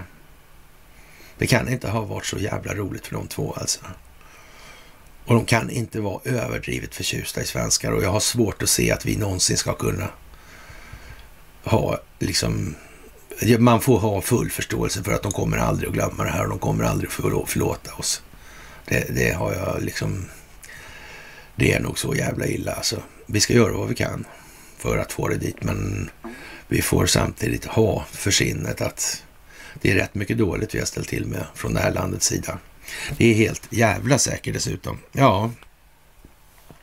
Och som sagt, eh, ABB saknar ju inte del i de här äventyrligheterna. Det, det kan man ju inte påstå. Och eh, ja, det, det är liksom... Eh, Ja, han vill ju hjälpa till i Ukraina alltså. Och, och, det här är ju som sagt, det är ju lite speciellt. Alltså man helt plötsligt på ett bräde så säger ju han bara liksom att vadå liksom? Ni kan inte göra någonting liksom mot oss. Nej. Hota med vad ni vill liksom. Ja. Jaha. Ja, då så. Då är hela kärnvapendoktrinen död. Mm. Det dras till sin spets, inte riktigt fram där, exakt där än. Alltså, men ja, principen är ju den i alla fall. Och det är det viktig, viktiga här nu. Och som sagt, det vore ju förärligt, om, eller tråkig historia om det blir då så att säga avmilitariseringsövningar och så vidare. Och vi får ju hoppas att den delen så att säga är färdig när de här rollerna ska besättas, alltså för att upprätthålla situationen. För det är ju kanske inte lämpligt då att man Tänk, man tänker sig så här, om inte, om inte annat så kommer ju den ukrainska befolkningen uppfatta att den här korruptionen kommer ju till inte obetydlig del från USA. Det, det, får man ju acceptera. Det är nästan svårt liksom. En, ja, förvisso bara en resident, men ändå det är rätt många som kommer inte fatta det och fortfarande tror att en president alltså. Som ägnar sig åt den här typen av verksamhet som Joe Biden har gjort där. Mm, underlivsporslinet. Ja. Det kommer att vara oerhört svårt att få de människorna att ha ett förtroende för den typen av människor eller tillhörigheter eller vad man ska kalla det för. Och det kanske är inte heller sådär jättelätt med ryssar i alla lägen. Nej. Men de vet å andra sidan att nordkoreaner och kineser finns det rätt många av alltså. Det är ta med fan ingen idé alltså. Nej. Att börja ens alltså. Det finns ingen plan liksom. Jag menar,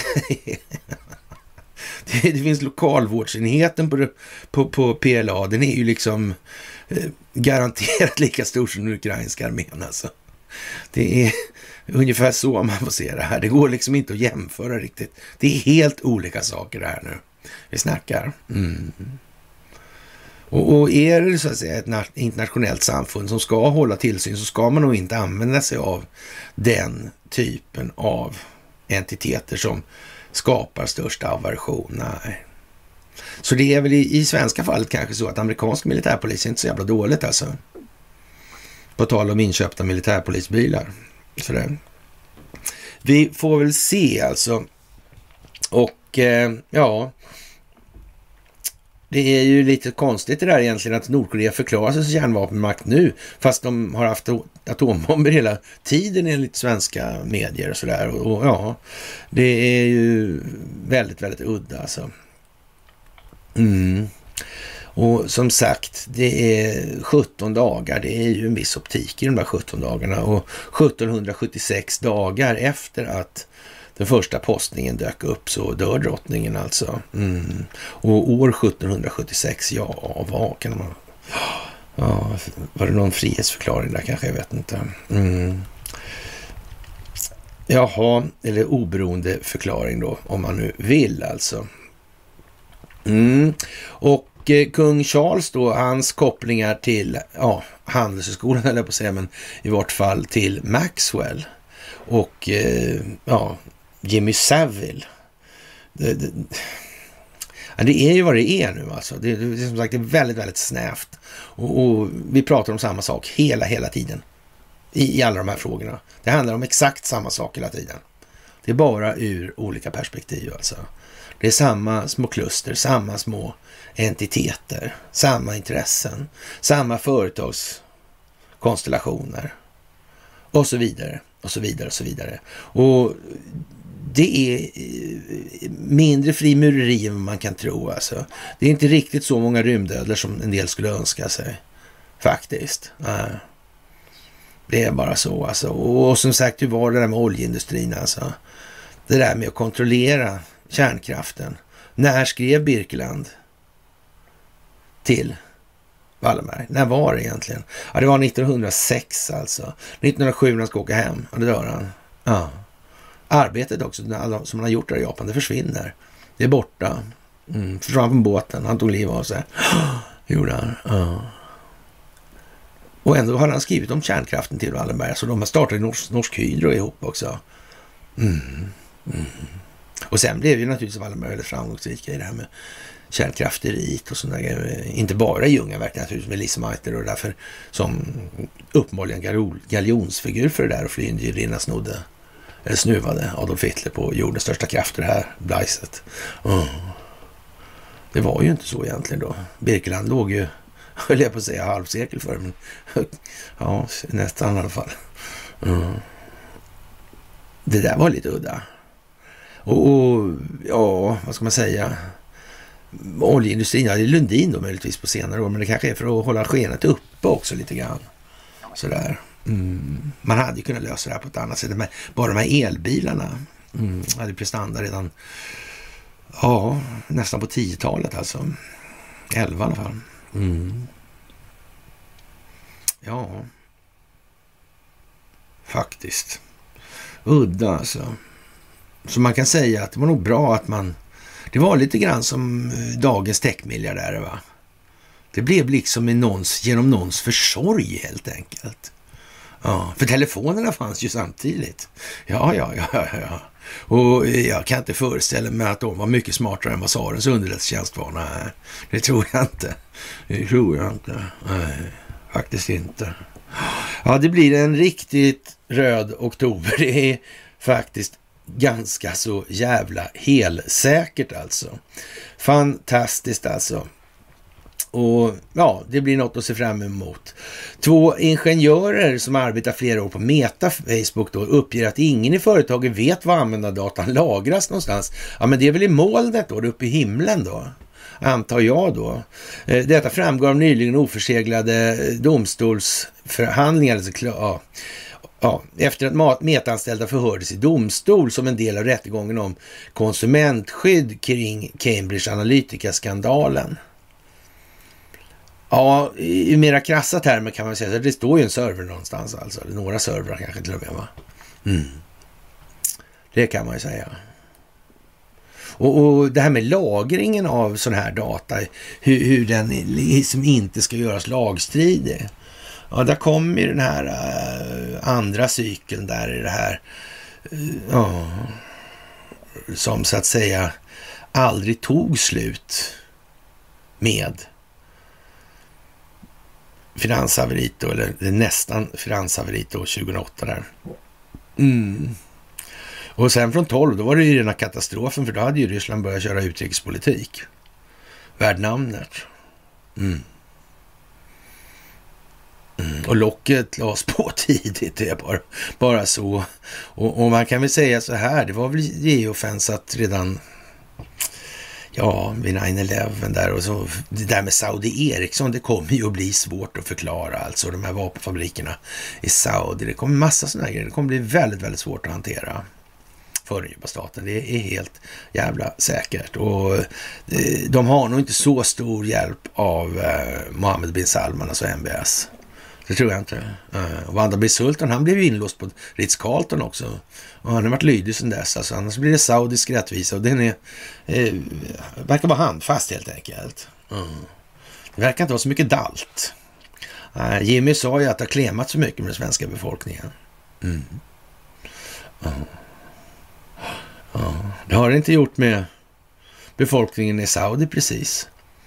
För, för Jimmy vet väl vem det är, vilka det är som ligger bakom skapandet av den sunnisekteristiska extremismen. Det vet han väl? Mm. Ja, det är ju lite udda kanske. Sådär faktiskt. Och eh, ja, vi får väl hoppas att han kan sova gott om nätterna då. Och ja, det här med svenska ja, affärer med Clinton Foundation och då i en geopolitisk kontext då i Global Research går ut med det nu. Och, ja, eller har gått ut med det i alla fall. Och eh, ja, vad fan finns att säga? Nu börjar de komma in på de här resonemangen vi håller på. Det är inte bara, bara komma in. Det låter ju lite kanske, eh, ja, pyttigt sådär. Men det är ju inte riktigt bara komma in, utan det är ju liksom... Det väcker frågan, hur kan det ens i helvete vara på det här viset? Utan att någon har sagt något. Svar, det enkla svaret är, det är för att det är så jävla korrumperat överallt. Mm. Och det är därför det inte händer någonting. Nej, just det. Det är ju för jävla bra alltså. Mm. Jaha, och eh, Ja, hur väljer man ut då och registrerar folk för framtida omyndighetsförklaringar då? då? Ska det vara vax eller ska det vara val eller ska det vara beteenden beteende på sociala medier eller någonting. För jag menar, kan man ingenting och förstår ingenting, då är man ju så att säga i, i de flesta avseenden rätt så otillräknelig. Det får man också tänka sig på nu, eller tänka sig för om nu. Inte akter om alltså. Ja, det var göteborgska. Ja, enkelt, tryggt och säkert alltså. Sådär. Ja, fantastiskt. Och eh, ja, jag vet inte. Det, det, någonstans så... Eh, det amerikanska valet kommer ju att komma tillbaka hit ordentligt. Och, och det svenska valet verkar ju dra ut lite på tiden alltså. Mm. Och frågan om valfusk, den är uppe redan sådär. Och, ja. Mm, vi får väl se vad det mynnar ut i helt enkelt. Och det här med 9-11 alltså, 911 alltså, man ringer, nu har amerikanerna kommit på att det är för jävligt alltså. Ringer de det här 911 så kontrolleras alla samtalen där av voilà, same old same old liksom. Mm. Och det kan inte vara så, säger de. Det är omöjligt. Vem i ansvarig ställning är så in i helvete dum så han har eh, liksom vidgått den här utvecklingen? Vad heter landsförrädaren? Ja, det kan man fråga sig. Det kan man fråga sig. Som sagt, det är lite på G kort sagt. Rösta fritt är stort, men rösta rätt är större. Ja, man kan ju vända på det där och vara lite sarkastisk hit och dit här nu. Och, och, det har man naturligtvis all rätt till. Men vi har ju samtidigt den uppgiften framför oss att vi måste ju få någon rätsida på det här. Och det blir bara upplysning. Och det går inte att bara, bara, bara spyda sig eller vara spydig. Och eh, Xi Jinping han avser att lämna Kina den här veckan för första gången på mer än två år då, då för att resa till Centralasien när han träffar Rysslands president Vladimir Putin med en månad kvar innan Xi är redo att befästa sin plats som den mäktigaste kinesiska ledaren sedan ja, Mao Zedongs dagar då. Och Ja, man har ju inte fördömt Rysslands operation mot Ukraina eller kallat den för en invasion och man kallar eh, kriget för en eh, speciell militär operation alltså. Och som sagt, eh, man måste ju öka sin närvaro nu i väst inför vad som ska komma skall. Och det är klart att i Indien då, eller svenska Indien, då har man ju naturligtvis kommit långt alltså. Och Dumbodil de har ju liksom inget att välja på i den meningen. Det är inte ens aktuellt att bjuda in oppositionen överhuvudtaget alltså. Nej. Och, och ja, någon ny kommunledning. Eh, ja, det är möjligt att det kommer en ny kommunledning, men då är den väl införstådd med vad som gäller i de här sammanhangen. Och, och man kan väl säga så här, så noggrant som, ja, herr Deripaska har ägnat sig åt bestickning i allmänhet och synnerhet. Mm. Det, det, är en kartläggning som, ja, den är nog helt enkelt eh, ganska rigorös får man nog tillstå. Ja, det är nog så. Och det här logistikcentrum där det, man skulle ju kunna säga så här, alltså om man vill vara lite fräck alltså. Med, med avseende på eh, vägsträckningen E14 Trondheim i det här och järnvägen parallellt där då. Ja, och sen Atlantkablarna. Alltså kommunikationsvägen helt enkelt där. Det gör ju det till en av de centrala punkterna i Sverige. Så som ska försvaras ens av ofred och så vidare. Mm.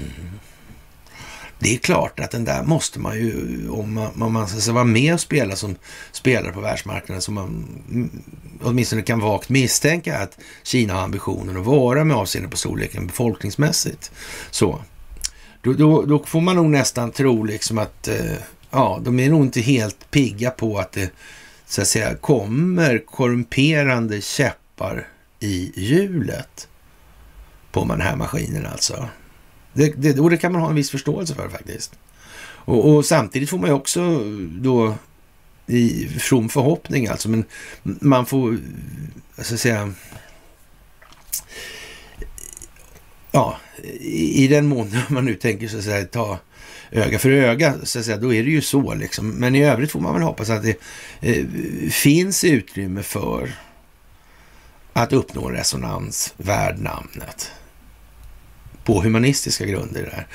Och, och då kanske man inte ska titta för mycket på vad svenska medier förmedlar för information i det sammanhanget. För trots allt, i så mått så är det ju så att Kinas ledning säger så här.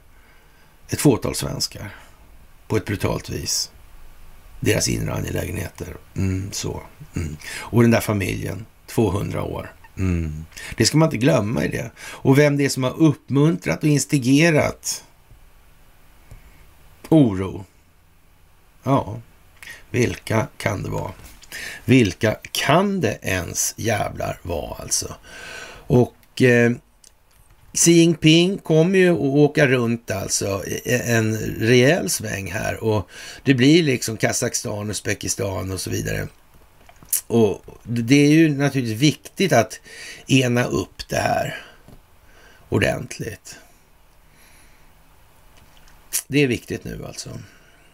Det är det det här handlar om. Och, och, i all väsentlig mening så handlar det också om att bekämpa den djupa staten. Nu är det ju inte så att Uzbekistan saknar erfarenheter av svenska telekombolag alltså. Det är inte det. Eh, fråga Nyberg, Fiskögat. Mm. Han som inte blev fälld för att ha gett Gulnara Karimova ja, en slant. Sådär. Mm. Ja, ja, ja, ja, ja. Ja, eh, det är ju... Ja, det är ju inga små intressenter som lägger sig i den här ekvationen för svensk vidkommande. Det ska man ha riktigt jävla klart för sig nu alltså. Och det å andra sidan speglar ju på vad man har ställt till med. Av vilken anledning kan det möjligen vara som den ryska staten säger att vi måste ha hjälp av den svenska staten med Kubal. Mm.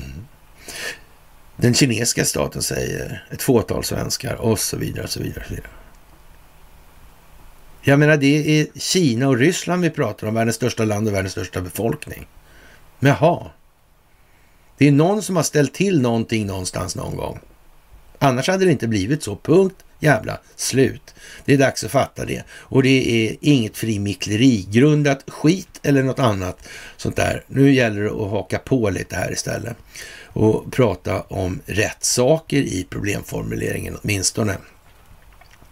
Sådär. Och eh, många fastnar lite grann i det här med valet och tror då liksom att det skulle spela någon som helst roll.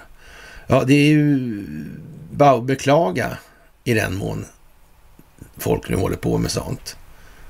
Det kommer inte att bli någon folkvald representation inom ramen för det här systemet som kommer att göra någonting alls åt de problem vi står inför idag. Så är det bara. De har inte ens börjat adressera fundamenta som skuldmättnad, räntekostnadstillväxt som ackumuleras. Nej, det finns inte, helt enkelt. Ja, Magdalena Andersson höll presskonferens på Katarina kyrkogård, samma plats som Peter Wallenbergs begravning hölls på. Och det är samma plats som Anna Lind sägs vila på. Mm. Det är väl konstigt. Jag vet inte. Och den konstiga hälsningen där, Magdalena. Jag vet inte. Mm. Och jag blir lite trött faktiskt när man ser då att eh, människor fortfarande håller på och sladdrar om socialdemokrater eller sverigedemokrater. Och... Jag menar, vi har väl ingen demokrati, vi har en monarki här. Är det någon som inte har fattat det än? Vi har ingen maktdelningsprincip här. Vi har folksuveränitetsprincip. Jag fattar inte ens att det, det är helt otroligt alltså. En demokrati inom monarkin. Eller har vi en monark inom demokratin? Eller hur fan är det där egentligen? Vem kom först? Det börjar där. Mm. Vad är det här för någonting egentligen? Vad är det vi ser? Vad är det vi lever i? Och det är inte svårt att förstå om man tänker efter lite grann. Ja, ja. Ingela i Karlstad fick inte rösta. Det är naturligtvis bara dräller in om valfusk. Och precis som vi sa från början i USA, de har fuskat på precis så många sätt det bara går. Och sen några till också. Ovanpå det. Det är bara det.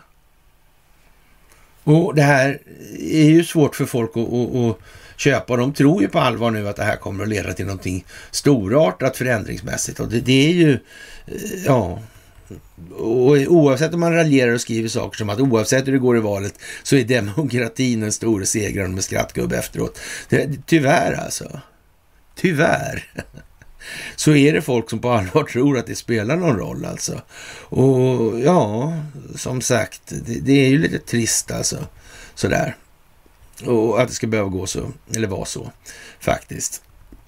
Och eh, ja, det här med eh, sunnisekteristisk extremism så har Conny delade en gammal länk, eller en, en gammal eh, artikel från, och, och det, det, har vi kört den hur många gånger som helst. Det handlar om det här tillkomsten av Saudiarabien, alltså det här arabiska upproret 1916 eh, alltså, och när man gjorde, skapade Saudiarabien då och huset Saud då fick hand om Mecka och Medina och tolkningen av skrifterna la man på den här familjen Wahab då.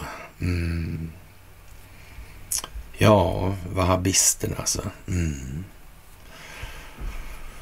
Ja, London City. Ja. ja, ja, men eh, som sagt, läs gärna den på bloggen. Det är bara att eh, ja, googla på ja, till exempel Wahhabi eller Sharif till exempel kan man ta eller sådär. Rashid går också bra. Det är sådana här namn som är viktiga i de sammanhangen i alla fall. Mm. Ja, och det här med att Ericssons verksamhet i Kina är omfattande. Alltså, den är alltså större än vad den kinesiska, om, kinesiska verksamheten i Sverige är. Det kan man också tänka på här nu. Alltså det är stora spelare som av någon jävla anledning engagerar sig i någonting som vid en första anblick ser helt larvigt ut. Varför skulle de göra det för? Det måste ju bero på något. Det, det måste man kunna förstå alltså. Vad skulle du göra för det för? Det är ju liksom, ja, som det är bara. Och eh, mm, trist historia. Ja, och eh, jag vet inte om man ska skylla på det egentligen, det här med public service i den meningen alltså. Och eh, vad ska vi säga?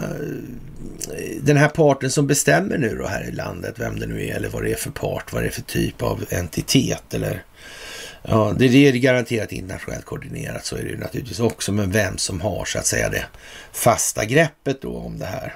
Mm. Och följaktligen inte figurerar lika mycket i affärsmässiga sammanhang. För det skulle ju liksom bli, bli lite eh, skitsmak i munnen då. Det är klart att den amerikanska militären inte främst tänker på att sno malmen eller skogen eller sådana grejer. Det skulle se osnyggt ut helt enkelt. Det skulle minska trovärdigheten hos en girig svensk befolkning. va Eh, det, det, det, är nog så. Alltså, så, så. Amerikaner är nog bra att ha här. Och, och sen får det finnas kinesiska eh, och, och, ryska affärsintressen. Det är liksom så alltså. Mm. Så kan det nog tänkas bli, ja. Mm. Men vi får se alltså. Det hinner nog bli både det ena och det andra innan dess också. Men kan den här parten som bestämmer då ha bestämt att folkbildningen måste inkludera valprocessen och varför i så fall alltså? Mm. Kan det vara därför att folk måste förstå att det är av fullkomligt avgörande vikt för det svenska samhället att folk faktiskt förstår någonting av vad de röstar på. Det, det, kan det vara så alltså? Eller är det liksom helt... Det är inte alls så. Kan det vara så då? Ja, men det kan det vara. Det kan det vara. Mm. Det kan det vara. Är det bra om det inte är så att de förstår någonting? Det är inte så bra, nej. Mm. Ja, som sagt. Vem tjänar på vad, på vilket och varför och när i det här? Jaha, delar av samhället är kritiska till nye King Charles då. Ja, det är nästan som en Spanien alltså. Och eh, ja, man vill på något vis lämna det här samfundet alltså. Mm. Kolonialväldet alltså. Ja, samväldet. Ja, ja, det är ju som det är. Och eh, ja, vi får väl hoppas på att eh, det här med spårbarhet, det går upp ett ljus där va. Finns det eller finns det inte spårbarhet för att kunna säkerställa riktigheten i det svenska valet? Är det så? Hur är det egentligen? Går det att spåra vem som har röstat på vad? Det är, det, enda, det är ju det enda sättet, alltså någonstans man kan vara helt säker på att det här inte har fuskats. Mm. Men vi har ju valhemlighet istället. Ja, just det. Ja, det gör vi ja. Oh. Ja, ja, det har vi ja. Mm. Sådär alltså. Jaha, och den 11 september drar vi oss till minnes, säger han Linde. De här som förlorar sina ja, familjer i attacken den, ja, mot eh, USA där och, och ja, Sverige då ja, står fast och fördömer terrorism i alla dess former och manifestationer. Eh, tydligen inte, tant Linde. Tydligen inte. Det finns lite som pekar på annat. Turkiet till exempel tycks peka på en terroristinkubator. Det tycks Iran också göra. Ja. Diktaturer naturligtvis. Yes way alltså. Mm. Så är det ju naturligtvis. Ja, ja. Fantastiskt på hela taget alltså. Och strulet med valet vet jag inte om vi ska säga så mycket om egentligen, för det, det är liksom bara som det är och det är ja, lite halv... Eh, ja, det är ett spelupplägg. Helt säkert. Det här ska bli vad det blir i form av optik för opinionsbildningens skull, för att människor ska få en bild ska få en upplevelse, ska få en känsla relaterat till sina egna känslogrunder och värderingar, omvärdera sig själv i ljuset av verkligheten. Mm. Det är samma sak hela, hela tiden. Och dessutom är antalet spelare, operatörer, entiteter allt mer begränsat. Vi ser dem igen, igen, igen, hela tiden om och om igen. Ja, fantastiskt alltså. Och eh, ja, Karl Edvard av Sachsen-Coburg-Gotha. Ja, som sagt, det här med Coburg-Gotha och eh, historien med kungahuset, inte minst det brittiska då. Det är vad det är alltså. Karl XVI Gustavs pappa. Mm. Det är vad det är också. Och hans mamma också. mm. Det handlar om, som vi sa förra gången, det handlar om nazistbröllop. Det handlar om det gamla vanliga. Mm. Det är inte svårare än så egentligen, faktiskt. Ja. Det är en riktigt trist historia. Det här med diamanter är naturligtvis en konstgjord marknad. Men det tror jag ni har förstått vid det här laget alltså. Och ja, det var strålande tider, härliga tider helt enkelt. Och eh, ledarsidorna bråkar in i det sista Gandalf mot Sauron. Det verkar som att Sagan om ringen kommer tillbaka i det här hela tiden. Ja. One ring of banks to rule them all. One ring of banks Oh. To bring them all.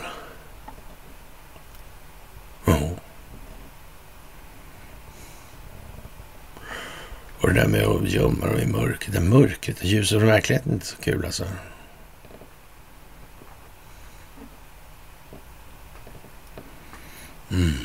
Styra dem alla och gömma dem i mörkret. Eller binda dem i mörkret. Mm. Ja, det där är lite udda faktiskt.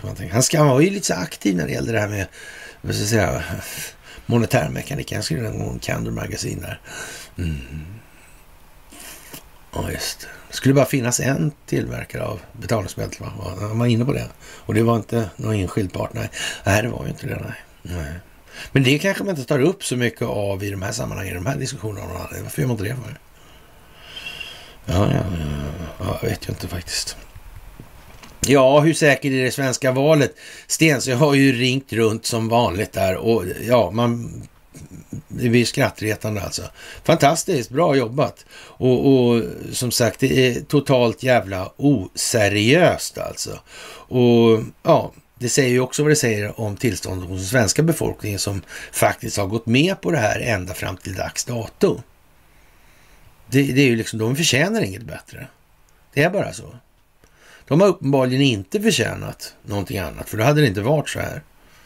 Det hade inte varit på något som helst annat vis. Alltså, hade den svenska befolkningen förtjänat någonting annat så hade det inte varit som det är idag. Punkt. Då har man bara sig själv att skylla. Är det folk som ska bestämma kan de ju inte skylla på någon annan. Det, du fattar ju liksom, är det svårt det? Nej, det är absolut inte svårt i alla fall. Det klarar alla av att räkna ut att det, så är det nog. Ja. Då får man ta ansvar för att det blir dåligt också. Mm. Och, och, blir det dåligt så har man alltså inte tagit det ansvaret. Det, det är ju det är typiskt svenskt att tro att det är på något annat vis i de här sammanhangen. Men det, det är ledsen att behöva säga det, men det är det inte alltså. Jaha, och som sagt Christian Birkelands 50 år långa liv alltså. Och ja, han har gjort mer än någon annan norsk vetenskapsman genom historien. Mm. Och, och, förmodligen mer än rätt många andra vetenskapsmän från vilket land som helst genom historien, skulle jag vilja påstå. Mm, med hänsyn taget till vad det blev för konsekvenser och effekter av vad han gjorde. Mm. Han var lite rätt på bollen den där, det måste man säga. Tyvärr så var någon emellan där och snodde bollen och skickade ut en annan boll som var fyrkantig istället eller motsvarande. Sådär. Mm, det kan man ju tycka var lite dumt gjort faktiskt. Och det här med fjärilsarterna på Kullaberg. Och, och det där är lite speciellt alltså, eller fjärilarna. Den dök ju upp i, i Gamla stan först där. Och det var lite, men det var ju givetvis, för där låg ju Riksbanken och de här grejerna. Och nu vet jag inte, de landade ju inte exakt på Riksbanken, men ja, mm, ja det där var ju lite udda alltså. Det är inte bara Kearsarge som ligger och tittar på den där jävla ja, gränderna upp där. Uh, nu är fjärilarna också verkar intresserade där. Och Atlas där, det var någonting med... Ja. Bar alltså världsalltet på sina axlar. Ja. Mm, inte den byggaren från 60-talet, Charles Atlas. Nej, nej, nej, nej, nej. utan ja, Titanatlas liksom. ja, ja, ja, ja, ja. Men eh, då, då dök det upp en sån här på Kullaberg också. Och det där är lite udda alltså. Och, och faktiskt, och det här med sjörövartraditioner och annan plundring som aldrig skulle falla en nordbord Nordbo in alltså, som var så nedre höll på med sånt där. Alltså, det, Kullaberg finns en fyr där uppe också. Då. Man, och Skagerrak och Kattegatt möts ju där. Det, ja, lite svårseglade vatten och såna grejer. Och, och, men folk bad i kyrkan där om att vraken som blev skulle vara eh, rikt lastade alltså. Redan då alltså. Jaha, det här var ju länge sedan alltså. Det var, ja, slaget vid Svolder Eh, kan ha stått där då eh, 19, 999 utanför Kullaberg alltså. Ja.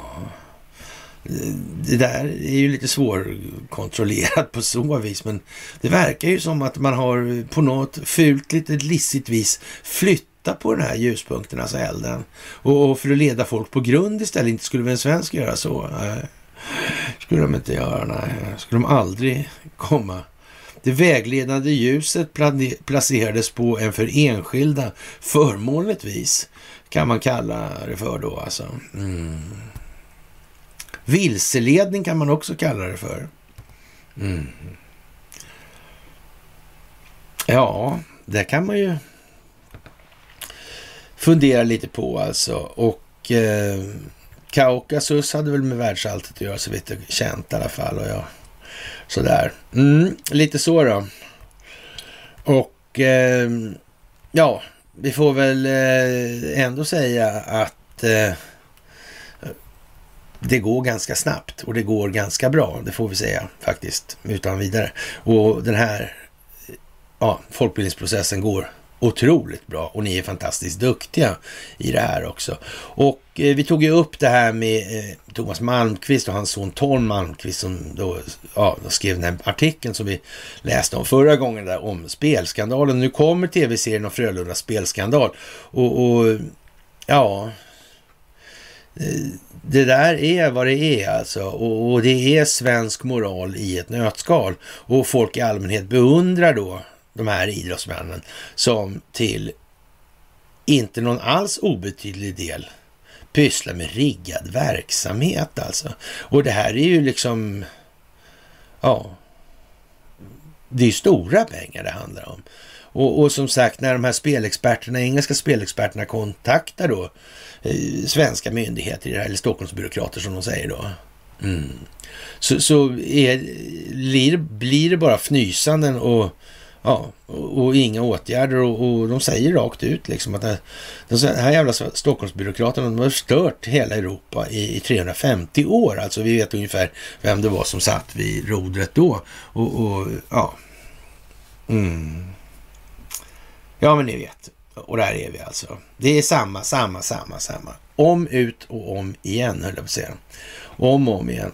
Och som sagt, Kasselstrand och globalismen, ja, det är vad det är faktiskt. Han, han eh, pratar inte så mycket om djupa staten i den meningen. han får väl hålla på med vad han håller på med. Mm, I den mån han skulle pyssla med upplysning i någon omfattning värd namnet, ja då är det ju en sak. Allt annat är någonting helt annat helt enkelt. Och om samhället bara kan förändras, om individen utvecklas, så får man väl se det ur perspektivet av vilken typ av utveckling har den upplysning som Kasselstrand bedriver fört med sig då. Det är väl så man får säga. Och ja, jag, jag, såg inte att det blev någon stor valsuccé för dem, det spelar ingen roll. Men för att nämna det för sakens skull, för det är många som frågar vad jag tycker om de där sakerna. Och det är ju som det är liksom. Det gäller ju alla. Och det är precis samma sak som med de här alternativa rörelseriktningarna som finns då. Det är ju som sagt, om man inte ens har spårbarhet i valet eller kanske man inte ska börja med att hålla på med knapptryckare. Alltså, det verkar bara dumt. Vi måste börja i rätt ände. Ska vi hålla på och rösta om de här? Ja, då måste ju så säga själva den processtekniska delen vara säkerställd. Vi har ju ingenting. Det är precis som i det svenska rättssystemet som då ska vakta det här som valsystemet och som befinner sig inom ramen för det svenska rättssystemet som inte alls fungerar på något som helst bra sätt. Det är ju bara att konstatera det. Och, och, ja, men det här har gjort jättemycket bra jobb för Sverige. Så vi har, ja, jo, visst. Men är det verkligen hela sanningen det? Är det kanske så att några har exploaterat omvärlden så ända in i helvete och sen gett den svenska befolkningen brödsmulor för att de ska hålla käften och lärt dem och inbillat dem vilken hand som föder dem, så då håller de käften. Ja, vilket kan det vara? Jag vet inte. Det är helt omöjligt att räkna ut. Ja, med det sagt så har vi börjat den här veckan och det kommer bli en helt fantastisk dramatisk vecka. Ni är fantastiska och eh, glöm inte nu, den här utvecklingen är planerad. Det finns en strategisk operativ planering för folkbildningen i det här. Och det bygger på en amerikansk stingoperation.